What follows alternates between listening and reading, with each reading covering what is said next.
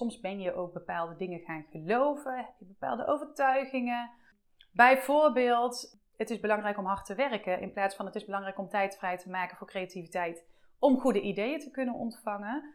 Dit is iets waar ik ontzettend in geloof. Hè? Ik geloof ontzettend in dat als jij je dag vol plant en van meeting naar meeting gaat of van afspraak naar afspraak of tussendoor even drie belletjes moet doen of nou ja, je snapt wat ik bedoel, hè? dus dat je helemaal geleefd wordt in de dag, dan is er geen ruimte, dan krijgt je hoofd letterlijk geen ruimte om ehm, nieuwe ideeën binnen te laten komen.